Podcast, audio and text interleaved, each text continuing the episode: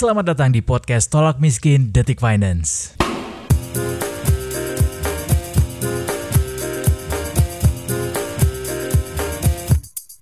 Selamat datang kembali di podcast Tolak Miskin Detikers. Selamat merayakan tahun baru Imlek 2572.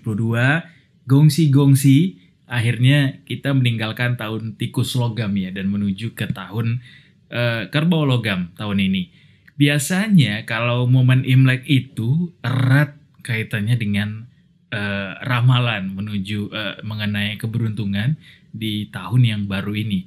Nah, ngomong-ngomong soal ramalan, zaman tuh emang sudah semakin modern ya detikers. Uh, serba digital semuanya, apa-apa sekarang semua serba bisa. Tapi nggak bisa dipungkiri bahwa yang namanya uh, ramalan itu orang-orang masih ada yang percaya khususnya buat mereka yang uh, merupakan etnis Tionghoa. Nah, salah satu budaya di Tionghoa ada yang namanya Feng Shui yang biasanya uh, dijadikan uh, panduan dalam menjalankan aktivitas mereka di tahun yang baru ini. Dah uh, bahkan nggak cuma mereka yang keturunan Tionghoa doang yang uh, menerapkan yang namanya Feng Shui ini dalam uh, kegiatan aktivitasnya sehari-hari atau uh, khususnya saat ini kita akan bahas mengenai feng shui dalam uh, bisnis. Nah, salah satu buktinya kalau memang feng shui ini uh, masih dianut oleh masyarakat banyak uh, terutama di Indonesia, misalnya uh, kalau kita perhatikan itu penamaan angka 4 dan juga 13 di lift-lift gedung gedung yang ada di Jakarta termasuk juga mall-mall yang besar di ibu kota itu pasti nggak ada. Angka 4 dan 13. Lantai 4 dan lantai 13 pasti nggak ada. Nah itu salah satu feng shui-nya. Uh, memang sih dalam praktik feng shui ini uh, nggak harus Anda percaya sama yang namanya uh, feng shui ini. Boleh nggak juga, tergantung bagaimana Anda memaknainya saja. Tapi kita uh, penasaran juga nih, kalau memang uh, feng shui ini kita bawa ke uh, astrologi uh, tahun kerbau logam uh, di tahun ini adakah sesuatu yang menarik yang bisa kita jadikan mungkin uh, alarm buat kita supaya melakukan sesuatu itu bisa lebih baik nantinya dihasilkannya uh, lebih kepada uh, ancar-ancarnya kita supaya bisa lebih mawas diri mungkin atau bisa berusaha lebih keras kalau memang uh, feng shui-nya di tahun ini kurang baik. Nah, coba kita tanya sama uh, salah satu master feng shui yang sudah kita hadirkan saat ini. Kita telepon sama Suhu Julius Wang.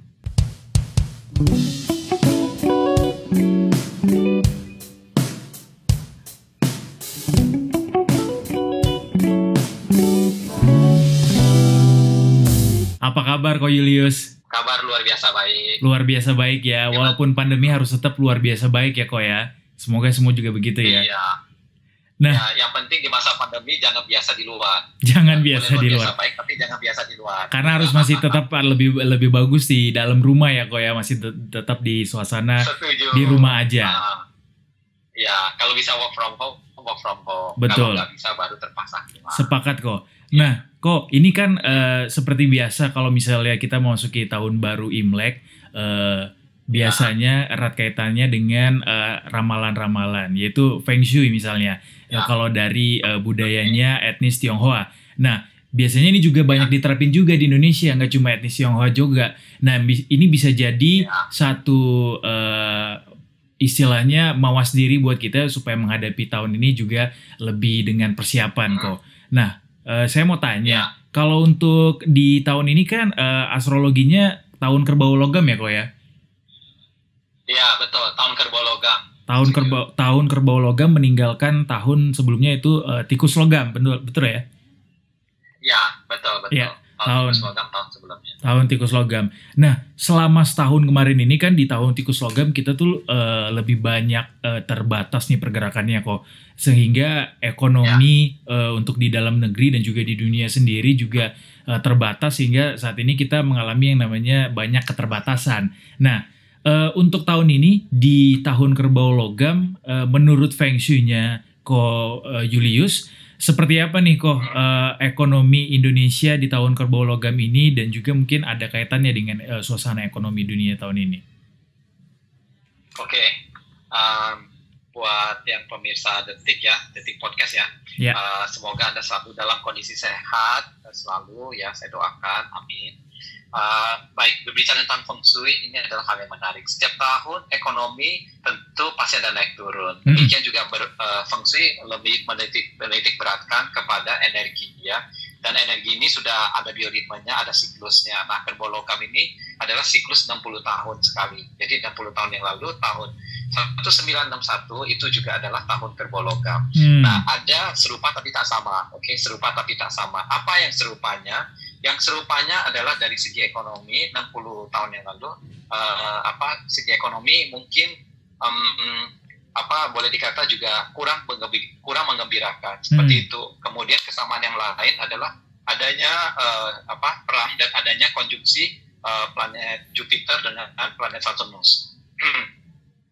Nah, eh, kedua planet ini akan memberikan dampak yang sangat besar eh, di dalam eh, energi eh, terhadap membawa pengaruh energi yang hebat terhadap eh, bumi ya, terhadap Mhm. alam manusia, juga rumah maupun peruntungan eh, manusia seperti itu.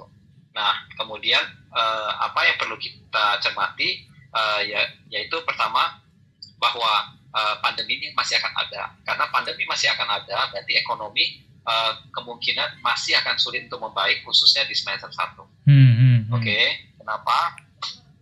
Karena kami karena kami prediksi uh, di semester 1 ini uh, pandemi sampai dengan bulan Mei ini mungkin masih akan ada peningkatan. Ya, jadi ini kita harus lebih uh, mawaspidi ya menjaga protokol kesehatan dengan baik.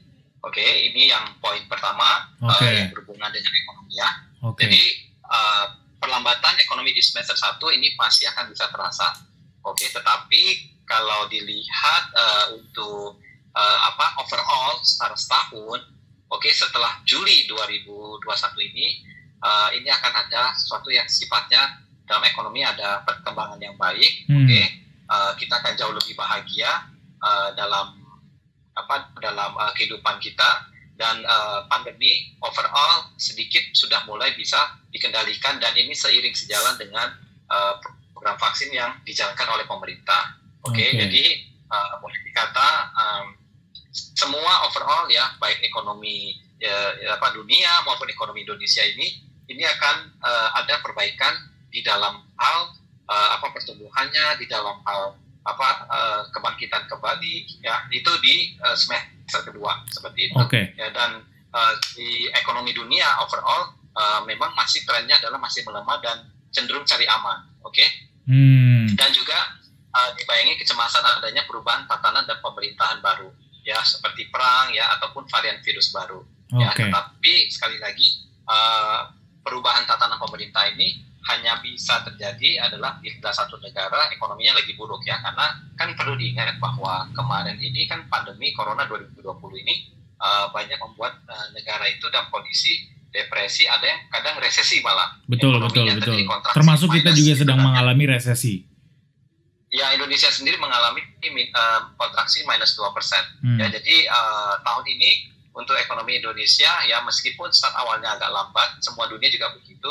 Tetapi uh, tahun ini dari segi hoki negara kita bagus dan juga hoki pemimpinnya Pak Jokowi juga lagi sedang bagusnya.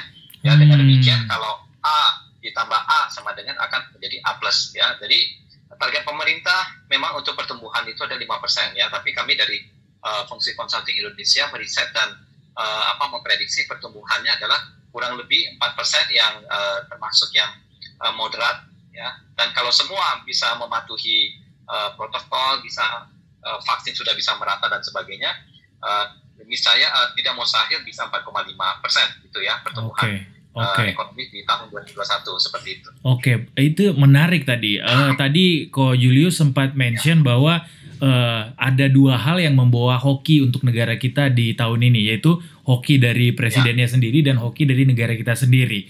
Tapi ngomong-ngomong hoki nih, Ko Julius, eh, tadi juga eh, Ko Julius sempat mention juga bahwa eh, dunia sekarang ini bisnis sedang eh, masih mencoba untuk melakukan rem gitu kok. Jadi belum terlalu Ya, ngegas ngegas ngegas banget nih.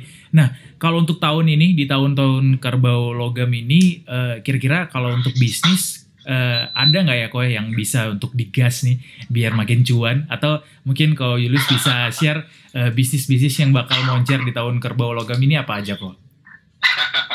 Oke, nah bicara tentang tren bisnis kan juga ini berbicara tentang bioritme ya. Artinya uh, grafik kenaikan setiap tahun pasti kan ada yang naik, ada yang turun ya. Hmm. Cuman yang saya sorot di sini yang agak masih memprihatinkan adalah bisnis berelemen air. Hmm. Ya dari tahun anjing anjing tanah ini sudah terkendala. Waktu itu mulai dari uh, tiket pesawat terbang dan sebagainya, pariwisata agak sedikit terkendala dan uh, sambung ke babi tanah ya uh, pada saat itu kalau nggak salah kenaikan harga aftur atau apa pun itu ya hmm. uh, bahan bakar ya kemudian tahun tikus logam juga terkena yaitu karena uh, pandemi corona dan tahun terbolong ini kena oke okay?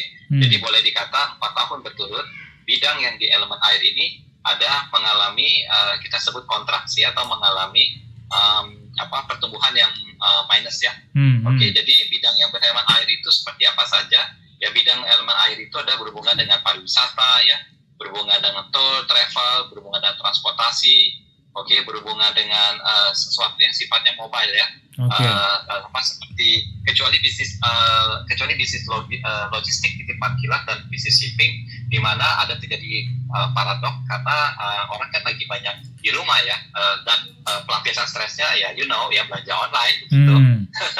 ya so, itu namanya soul therapy gitu ya yeah, yeah, supaya nggak yeah. stres nah uh, ini akhirnya membuahkan uh, apa uh, bisnis pengapalan ada terjadi peningkatan uh, apa sesuatu yang dikirim dan juga titipan kilat. Nah ini, ini memang meskipun bisnis air ya, uh, bisnis apa ekspedisi dan uh, logistik ini ada uh, terjadi paradoks, oke? Okay? Nah ini ini hanya special case uh, untuk yang bidang air ini. Tetapi yang lainnya adalah bisnis yang leisure-nya ya, yang minuman, IT, uh, cafe, uh, apa bisnis jasa ini uh, ada satu hal yang uh, kurang apa uh, kurang baik dan harus masih hmm. bersabar ya dan juga disarankan untuk lebih me, apa me, menerapkan strategi lain untuk bisa survive ataupun mungkin bisa apa lebih baik lah daripada tahun kemarin seperti itu. Hmm. Nah, kemudian uh, yang bisnis yang bagus adalah bisnis yang berelemen api ya. Jadi tahun ini bisnis api ini di semester 1 atau enam bulan awal adalah mix ya, sedang dan bagus. Yang bagus itu apa aja? Bagus itu adalah yang berhubungan dengan misalnya energi ya, uh, apa oil, gas dan misalnya uh, apa batu bara gitu ya Oh Kemudian itu lagi bagus sih ya? Uh, ya lagi bagus. Kemudian restoran ya, karena uh, halo pandemi orang tetap butuh makan gitu ya. Oke. okay. Nah, tetapi bisnis restoran ini hanya yang bagus ini adalah yang bisa beradap, uh, beradaptasi beradaptasi terhadap uh, teknologi digital gitu ya, seperti menggunakan transportasi online ataupun hmm. delivery ya. Kalau enggak bakal uh, ya bakal punah juga seperti dinosaurus nih. Hmm, ya, okay. terus kemudian di bidang keuangan, pasar saham ini juga uh, ada gairah yang bagus. Uh, kemudian di bidang kimia, ya uh, asuransi, uh, serta uh, berhubungan dengan sesuatu yang elektrik dan entertainment juga ada penerbangan. Nah, entertainment ini agak mix. Kenapa juga? Karena entertainment dan penerbangan ini agak mix ya, agak agak sedang. Why? Karena uh, semua bisnis pertunjukan yang uh, mengumpulkan massa seperti bisnis uh, pertunjukan musik, ya seni budaya dan sebagainya, ini pasti akan uh, terkena pengaruh daripada pandemi ya. Dengan demikian entertainment yang saya maksudkan tentunya ya sifatnya uh, adalah digital atau televisi seperti itu ya. Oke, okay? dan penerbangan sendiri mostly adalah adalah uh, lebih ke arah yang penerbangan sifatnya untuk uh, work punya untuk untuk bisnis gitu ya. Hmm. Oke, okay, jadi eh, sifatnya leisure untuk yang travel seperti orang wisata ke apa wisata main ke Pulau Bali, ke Hawaii dan sebagainya gitu ya. Hmm. Nah ini akan pasti akan masih berkurang karena kekhawatiran pandemi ya. Tetapi karena uh, apa kebutuhan manusia untuk uh, bekerja uh, harus kadang harus hadir di lokasi tersebut dan tidak bisa di uh, apa tidak bisa work from home maka bisnis penerbangan ini mau nggak mau tetap uh, ada perbaikan tetapi masih masih kurang signifikan dibandingkan dengan tahun kemarin ya. Okay. Nah kemudian bidang yang uh, ranking kedua yang bagus adalah uh, kita sebut nilainya B plus lah ya adalah bidang tanah. Nah bidang tanah ini didominasi oleh bidang properti, konstruksi dan segala uh, industri pendukungnya ya. Kemudian uh, yang bagus juga adalah bisnis yang berhubungan dengan perbankan ya agraria, uh, kemudian bisnis yang grosiran seperti sembako gitu ya dan bisnis uh, peternakan ya. Jadi ini di, di 6 bulan awal dan 6 bulan berikutnya dalam konteks yang sedang ya uh, pertumbuhannya dan uh, apa istilahnya uh, dalam acuannya juga seperti itu. Hmm. Ya, dan yang ketiga adalah yang sedang ini berarti sedang ini berarti kategorinya sudah apa ya sudah B minus lah ya. Hmm. Oke ini ada bidang logam. Nah bidang logam ini adalah uh, seperti otomotif ya spare part, uh, alat berat, kemudian uh, perhiasan ya, Hmm. um, uh, machinery ya permesinan, kemudian money changer, uh, perawatan kulit ya, uh, bisnis yang bisnis um, ala salon, elektronik, komputer dan sebagainya. Ini um, kategori di enam bulan awal ini sedang, tapi enam bulan berikutnya di posisi kurang. Oke, why posisi Hmm. kurang? Uh, ter- terbesit terbesit kabar uh, di awal tahun ini bahwa uh, Amerika melakukan ban terhadap produk chip dan manufacturing uh, yang berhubungan dengan mobil-mobil dari Hmm. Tiongkok seperti itu. Dan akhirnya uh, perusahaan uh, apa perusahaan Amerika, perusahaan Eropa yang uh, membuat uh, apa membuat mobil ya uh, yang berhubungan dengan uh, apa yang membutuhkan chip dan apa uh, semiconductor uh, dari Tiongkok ini terpaksa mencari alternatif ya dan salah satunya di Taiwan ya. Oke, meskipun Taiwan ini adalah seperti uh, apa tanda kutip anak yang durhaka daripada uh, daripada orang tuanya gitu ya. Tetapi uh, kebanjiran order tahun ini ya, ya dan Hmm. kelihatannya belum tentu akan bisa memenuhi itu. Jadi problemnya mungkin uh, sebagian di demand, tapi problem yang sebagiannya juga ada di supply seperti itu ya. Dengan Oke. demikian seperti pabrikan uh, BMW, VW dan sebagainya, uh, perusahaan otomotif ya, itu akan ada terkendala ya. Mungkin yang Jepang sedikit banyak masih lebih better lah, masih lebih mending daripada uh, Eropa dan Amerika karena uh, konsekuensi daripada kebijakan Amerika yang baru tersebut gitu ya. Baik, baik. Oke, kemudian yang keempat bidang yang berhubungan dengan kayu. Nah, kayu di sini adalah seperti produk tekstil, fashion, medical yang terutama yang, yang berhubungan seperti contohnya adalah air purifier, uh, masker dan sebagainya ya. Hmm. Oke, uh, percetakan ya, penerbitan yang sifatnya masih konvensional ya, bisnis yang berhubungan perhutanan, perkebunan ya. Perkebunan ini uh, agak tricky ya. Kalau perkebunan yang modelnya karet, jadi sudah pasti lebih ke arah elemen kayu. Hmm. Sedangkan kalau perkebunan sawit ini uh, dia 50-50 ya. Jadi uh, karena uh, apa perkebunan sawit ini 50 persennya ini masih masuk di kategori semacam uh, agraria gitu ya. Artinya unsur tanahnya masih Tanah. ada ya dan masih ada gitu ya. Unsur tanah ini kedua terbagus, sedangkan unsur kayu ada ranking keempat ya. Ini sudah masuk kategori C gitu kan ya. Jadi uh, uh, apa uh, di semester uh, di enam bulan awal ini ya bisnis perkebunan ini ya uh, agak kurang, tapi enam bulan berikutnya sedang. Oke, sedang itu Hmm. artinya ada improvement ya. Jadi bisnis furniture juga akan terdampak seperti itu. Dan yang terakhir tadi adalah bisnis air yang sudah saya mention uh, sebelumnya. Jadi semua tren-tren bisnis ini uh, boleh dikata akan mencerminkan juga perusahaannya dan sahamnya dan mungkin akan dicari orang ya. Dalam konteks uh, kemarin saya melihat bahwa uh, apa kami memprediksi bahwa logam mulia akan banyak dicari orang bila uh, terjadi problem ya Uh, misalnya pada saat itu adalah perang uh, apa perang tarif dagang Amerika dengan Tiongkok dan juga di awal tahun mulai sudah uh, corona sudah mulai tetapi masih belum menggila gitu ya jadi tetapi uh, pada saat itu begitu menggila dan membuat harga logam mulia juga akan naik ya tetapi Hmm. sekarang ini tahun ini kelihatannya uh, logam ini nggak gitu terlalu sampai signifikan lagi larinya ya ini kayak seperti kuda yang udah kecapean kayak gitu Oke, oke, Oke, jadi um, bidang logam ini yang tadi saya mention ini sekarang berada di posisi yang uh, menengah di tahun ini. Menengah justru ya.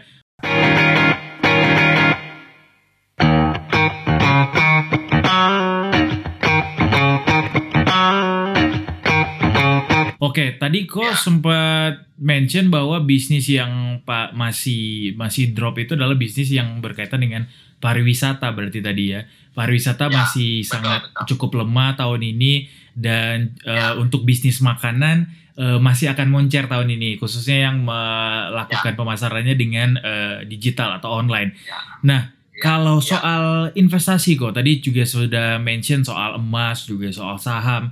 Kalau tahun ini Ya. kira-kira dua hal itu tadi emas tadi eh, kok Julius sem- sudah sempat mention bahwa Ya, eh, mention, mungkin ya, agak ya. agak agak sedikit direm untuk investasi emas di tahun ini. Eh, Ya. Kalau untuk yang lainnya gimana kok? Untuk investasi lainnya di tahun ini Oke. eh, seperti saham misalnya atau mungkin ya? Eh, juga dengan Ya. tren Bitcoin yang makin populer saat ini gimana kok di Kerbau Logam? Iya, iya. Baik, nanti saya ulas satu-satu deh. Moga-moga bisa di-cover ya, memenuhi aspirasi pendengar. Oke, jadi kita mulai satu-satu dulu. Yang terakhir disebutkan Bitcoin. Nah, Hmm. Bitcoin tahun ini di tahun kerbau logam ada rawan koreksi. Kelihatannya bulan eh, apa bulan bulan November dan atau bulan Oktober ya sama pertengahan mungkin bulan Juli gitu ya. Jadi uh, apa Bitcoin ini harus lebih hati-hati. Tahun kemarin termasuk cukup prestasi cukup bagus untuk Bitcoin karena tahun jayanya Bitcoin. Tapi tahun ini halo ya semua naik pasti akan ada turun atau ada koreksi.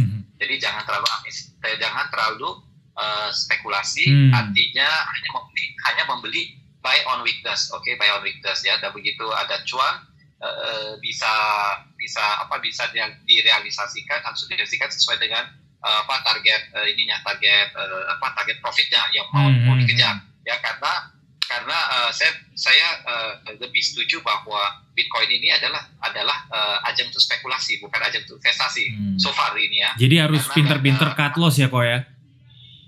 Iya, ya harus ada benar manajemen yang bagus gitu ya. Jadi harus bisa kalau memang benar uh, itu harus cut loss. Memang sih kalau ditanya apakah trennya akan bagus atau tidak, tentu saya disclaimer. Saya melihat polanya dari tanggal uh, launching Bitcoin itu ya. Oke, okay, uh, kelihatannya bisnis ini bisa sampai dengan minimal 20 sampai 40 tahun ke depan. Hmm. Oke. Okay? Ya uh, bisa berjayanya ya, tetapi nanti akan ada terkendala nanti kemungkinan di uh, di usia belasan karena, karena sekarang Bitcoin sudah masuk ke hampir ke usia 9 plus 10 tahun kalau hmm, tidak salah. Hmm, hmm. Oke, okay, tapi begitu masuk di usia mungkin sekitar 20 tahun gitu, ya ini uh, nanti akan sedikit ada problem ya. Jadi uh, bisnis ini pasti akan tetap dicari orang sampai 40 tahun ke depan. Tetapi ada ups and down-nya. Nah, otomatis sesuatu yang up up up itu nggak mungkin setiap tahun pasti ada koreksinya. Kebetulan yeah. tahun kerbau kepada tahun koreksi dari Bitcoin seperti itu. Jadi uh, para pendengar disarankan untuk lebih uh, mawas diri atau aware ya. Ini hmm. saya sebut adalah uh, gambling dan gunakan hanya cold money aja, jangan cold money atau yang mengganggu daripada cash flow Anda uh, untuk di Bitcoin ya. Jadi jangan sampai ganti rumah ya, oke, okay? uh, jual emas dan sebagainya. Jangan ya. dong. Nanti uh, jangan ya. Ini ini bukan ini bukan suatu hal yang bijak ya, karena judulnya tahun uh, kerbau logam ini adalah adalah tahun transisi atau transformasi ya. Kalau tahun tikus logam tahun perubahan, dan ini tahun transisi dan tahun transisi biasanya kita cari aman. Oke, okay? hmm. cari aman ya. Jadi cari aman ini uh, tentu Bitcoin uh, uh, aman kayak gitu ya. Nah, kemudian kedua uh, uh, bidang logam ya tadi saya sudah cerita sedikit bahwa logam uh, kemungkinan tahun ini mau naik lagi sudah agak gembos, oke. Okay? Tetapi hmm. semester satu pasti kemungkinan masih ada harapan. Uh, kenapa begitu? Karena uh, akan menjawab yang pertanyaan yang ketiga investasi saham Kenapa? Karena ini berhubungan saham. Karena kita tahu bahwa logam sendiri uh, biasa digunakan untuk hedging atau uh, lindung nilai, gitu ya.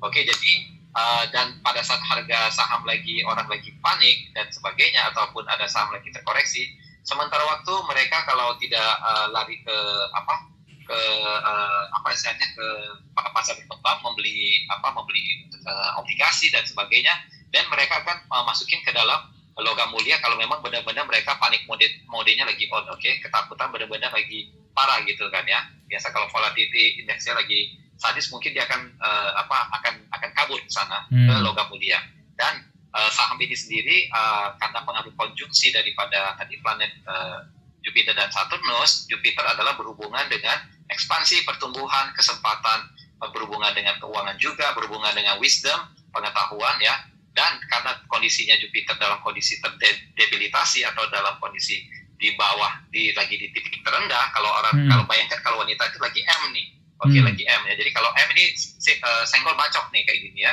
jadi oleh karena itu Jupiter ketemu Saturnus Saturnus adalah planet tanah nah planet tanah ini berhubungan stagnasi perlambatan berhubungan dengan sesuatu yang sifatnya sakit oke jadi sakit masih akan tetap ada di tahun ini dan dan juga terakhir ada berhubungan dengan masa atau demo massa. Jadi tahun ini gerakan people power atau demo massa akan terjadi dan perubahan kekuasaan seperti seperti saya yang sudah mention ya dan di bulan 4 sampai dengan bulan 6 tren ini akan muncul. Di bulan hmm. 2 kita akan melihat banyak bencana alam di mana-mana seperti itu.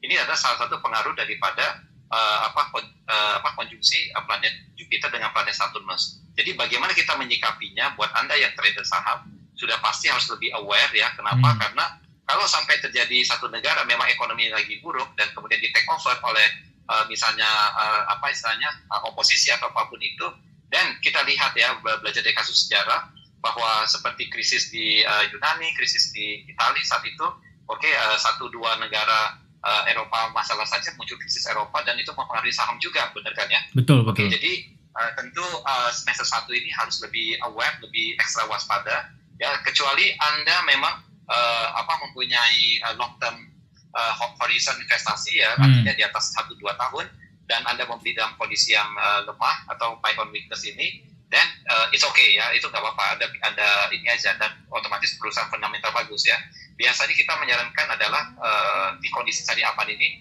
belilah yang blue chip dan big cap serta fundamental bagus tapi harganya lagi murah hmm. oke okay? dan itu uh, bisa uh, tercermin daripada saham-saham yang yang yang bisa mindset salah satunya adalah perbankan dan consumer goods karena orang tetap masih uh, orang masih butuh makan seperti itu hmm. dan yang uh, yang perlu diperhatikan properti properti uh, di 2019 sendiri untuk di investasi ini uh, sebenarnya sudah mulai tanda-tanda kebangkitan tetapi karena uh, kemajuannya ini sudah tertahan karena pandemi ini kayak seperti uh, kemajuan yang tertahan seperti itu ya. hmm. ya dan saya melihat harga properti kayaknya agak susah untuk turun loh ya oke jadi harganya bertahan dan slightly naik jadi sekarang hmm. ini para developer terutama jual terutama para developer yang jual properti ini mereka memberikan gimmick ya seperti entah full furnish ya termasuk lemari lah uh, apa AC uh, eh, apa kompor dan sebagainya uh, apa untuk untuk uh, apa uh, promosi penjualan mereka. Tetapi yeah. mereka tidak menggunakan lagi menghindari strategi untuk menurunkan harga. Jadi hmm. ini adalah uh, salah satu uh, start awal untuk uh, kebangkitan properti. Why? Karena planet Mars tahun ini berada dalam kondisi yang bagus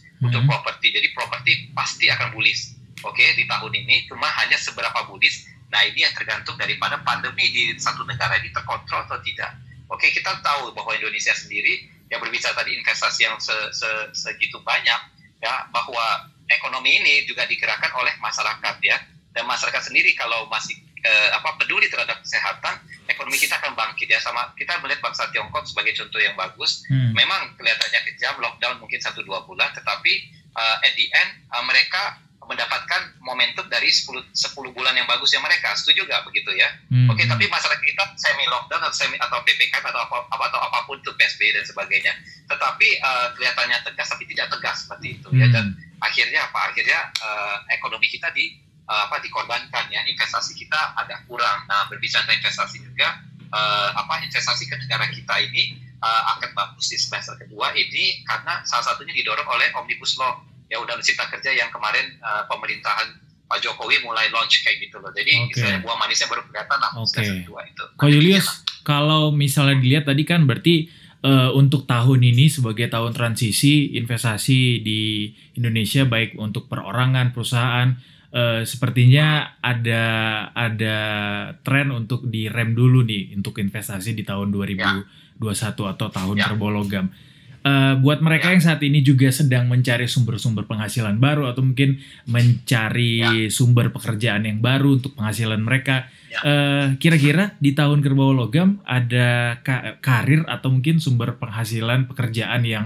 uh, cukup menjanjikan nggak kok biar bisa uh, kita telusuri nih uh, keberuntungannya di tahun kerbau logam? Kita kita explore ya mana yang kira-kira bisa jadi side income ataupun main income ya. Hmm. Oke. Okay baik uh, para pendengar uh, tentu kita harus get real bahwa zaman now zaman internet ya sekarang ini apa apa bisnis sudah 4.0 oke okay, 4 4.0 lah ya yes. oke okay, jadi uh, any anything that relate uh, that related to uh, internet ataupun teknologi digital pasti akan jauh bisa lebih menghasilkan lebih punya uh, daya kompetitif dan uh, potensial income yang jauh lebih baik daripada yang konvensional. Ini kita setuju nggak setuju? Pokoknya setuju dah ya. Hmm. Oke. Okay? Jadi kita pikirkan apakah tren yang akan bisa kita uh, apa dalam masa kan tentu kita bagi dua bagian. Pertama di pandemi dan yang kedua setelah pandemi atau zaman um, back to normal. Oke, okay? jadi new normal dan back to normal ya, bukan back to the future ya, oke? Okay?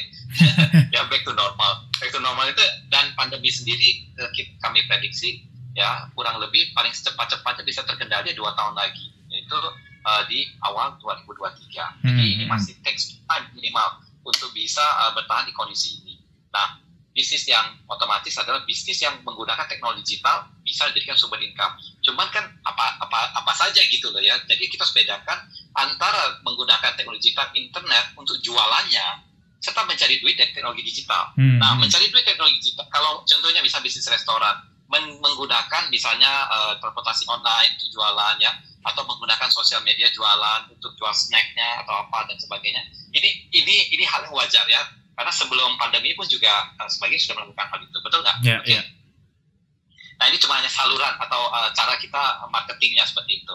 Nah jadi yang saya maksudkan adalah yang kedua. Yang kedua ini adalah uh, sumber penghasilan ini murni dari teknologi digital, murni dari internet. Nah hmm. sekarang di beberapa tahun belakangan ini kita melihat bahwa tren influencer uh, apa endorser uh, yang yang di dia apa di uh, dipelopori oleh misalnya youtuber yeah, atau yeah. Uh, apa uh, media bintang, sosial uh, ya. Bintang, ya media sosial seperti itu ya, uh, Instagram dan sebagainya. Ini sangat naik daun. Jadi dan itu bisa dilakukan di sela-sela kesibukan kita. Contohnya kita berkarir ya, kita punya uh, bisnis hobi yang misalnya memasak dan kita ingin uh, ya tanda kutip mamer lah ya, oke, okay? hmm. siar dan sebagainya. Nah ini kita bentuk kita bisa awal-awal kita bisa coba dulu post ke sosial media ya ke teman dan saudara uh, untuk bisa uh, apa mendapatkan uh, bagaimana respon mereka seperti hmm, itu. Hmm, Dan kalau hmm. memang benar kita tekuni dengan serius, bisnis apa pun yang relate kepada sosial media ini akan sangat booming dan masih akan sangat bagus untuk beberapa tahun ke depan, hmm. baik pada masa pandemi maupun setelah masa pandemi seperti itu. Jadi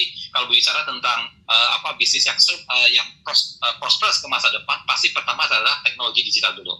Iya, Kemudian kedua, hmm. oke, okay, uh, bisnis yang relate kepada kesehatan, oke. Okay? Suka nggak suka, oke, okay, baik pandemi kita harus berhadapan dengan kesehatan, yeah. oke. Okay? Nah, kemudian suka nggak suka, uh, apa di masa tua pun uh, orang pengen sehat seperti itu ya, dan mm-hmm. kesehatan itu sangat berharga. Usia manusia makin lama makin pendek, kita sudah sama-sama tahu itu. Jadi kebutuhan manusia untuk uh, terlihat sehat, bugar ataupun cantik ini akan tetap uh, akan menghasilkan. Nah, ke, untuk mau sehat ini kan biasanya orang cuma fokus, oh kalau nggak jualan apa uh, uh, uh, farmasi, me, uh, medical ya paling juga buka apa uh, buka ini uh, gym, uh, yoga dan sebagainya. Tapi karena pandemi gimana saya mau jualannya betul nggak? Hmm, betul betul betul. Ya actually bisa bisa kita bisa kita lakukan ya. Tentu dalam masa pandemi kita ikuti tren ya. Mereka mau jual uh, apa mau jual uh, masker, air purifier, uh, anything that relate uh, kepada uh, related kepada uh, bagaimana membuat seseorang itu lebih uh, apa lebih sehat, lebih contohnya vitamin suplemen ya. Yeah. Oke tempo hari di awal di awal pandemi itu vitamin C sampai hilang ludes sampai di pasaran seperti itu yang saya tahu ya. Oke kemudian uh, apa sesuatu yang sifatnya membuat manusia itu uh, bisa uh, apa terhindar dari uh, apa pandemi seperti itu dan yeah, yeah. Uh, kalau kita pikirkan banyak sekali sebenarnya hmm, uh, apa hal-hal yang kita bisa jual seperti itu. Jadi bayangkan kalau ada orang mencari emas, kita memikirkan cara untuk menjual skopnya seperti itu ya. Karena at the end yang jual skop pasti cuan. Tapi yang uh, mengeksplor emas belum tentu dapat emas ya seperti itu.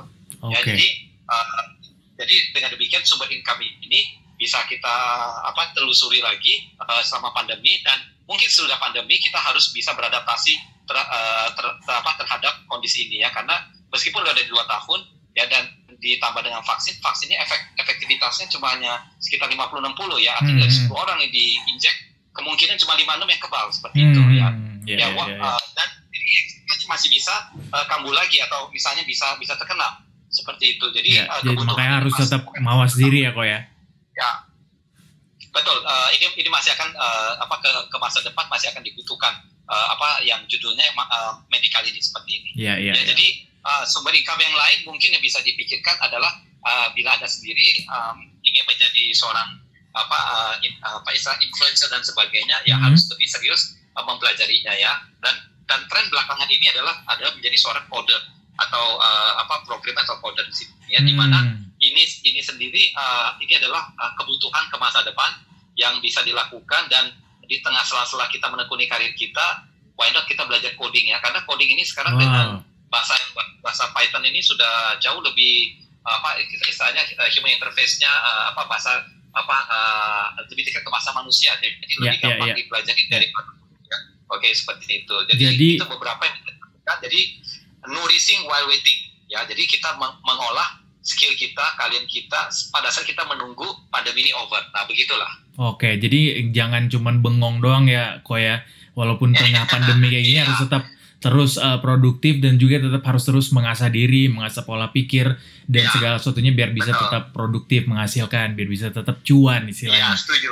Oke, oke. Setuju, setuju. Terima kasih banyak kok buat insight-nya. Uh, semoga sih kita bisa menerapkan ini di tahun kerbau logam ini dan semoga segera yang namanya ya. pandemi ini bisa cepat berlalu jadi kita bisa kembali hidup normal lagi, bisa semuanya iya. sehat-sehat lagi, jadi ekonomi juga Amin. bisa makin Amin. kencang larinya. Terima Ya. kasih banyak Ko Ya, Julius. amin, amin.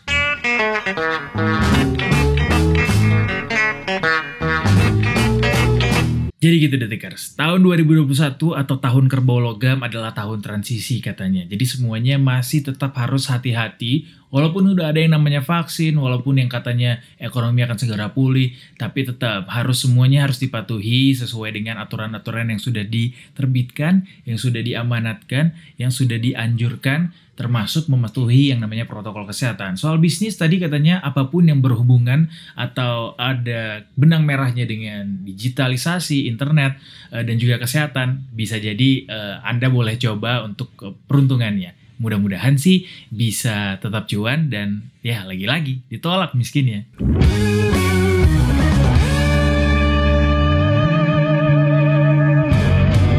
Jangan lupa dengerin podcast-podcast Detik Finance berikutnya di podcast Tolak Miskin. Detikcom.